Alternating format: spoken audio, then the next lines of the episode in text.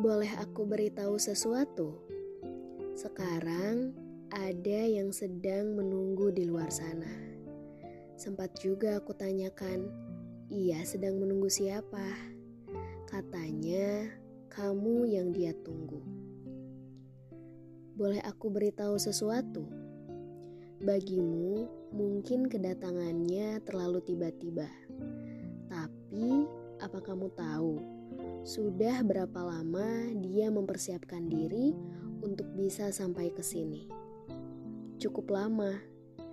Dan untuk itu, aku rasa biar dia sendiri yang menceritakannya padamu. Mungkin kamu akan bertanya, kenapa tidak dari dulu saja ia memutuskan untuk datang? Aku hanya ingin bilang, Memutuskan pilihan dan mengumpulkan keberanian bukan hal yang mudah untuk sebagian laki-laki. Dan saat ini, ketika begitu mudahnya orang-orang mengumbar dan menyatakan apa yang mereka rasakan, meski mereka menyatakan dengan niat yang tidak jelas, pada waktu yang tidak tepat, juga pada orang yang tidak siap. Dan untukmu, dia tidak ingin sampai seperti itu. Aku mau sedikit mengingatkan sesuatu. Untuk mereka yang sudah menentukan arah, cara yang ditempuh tidak harus selalu sama, seperti yang kebanyakan kamu lihat saat ini.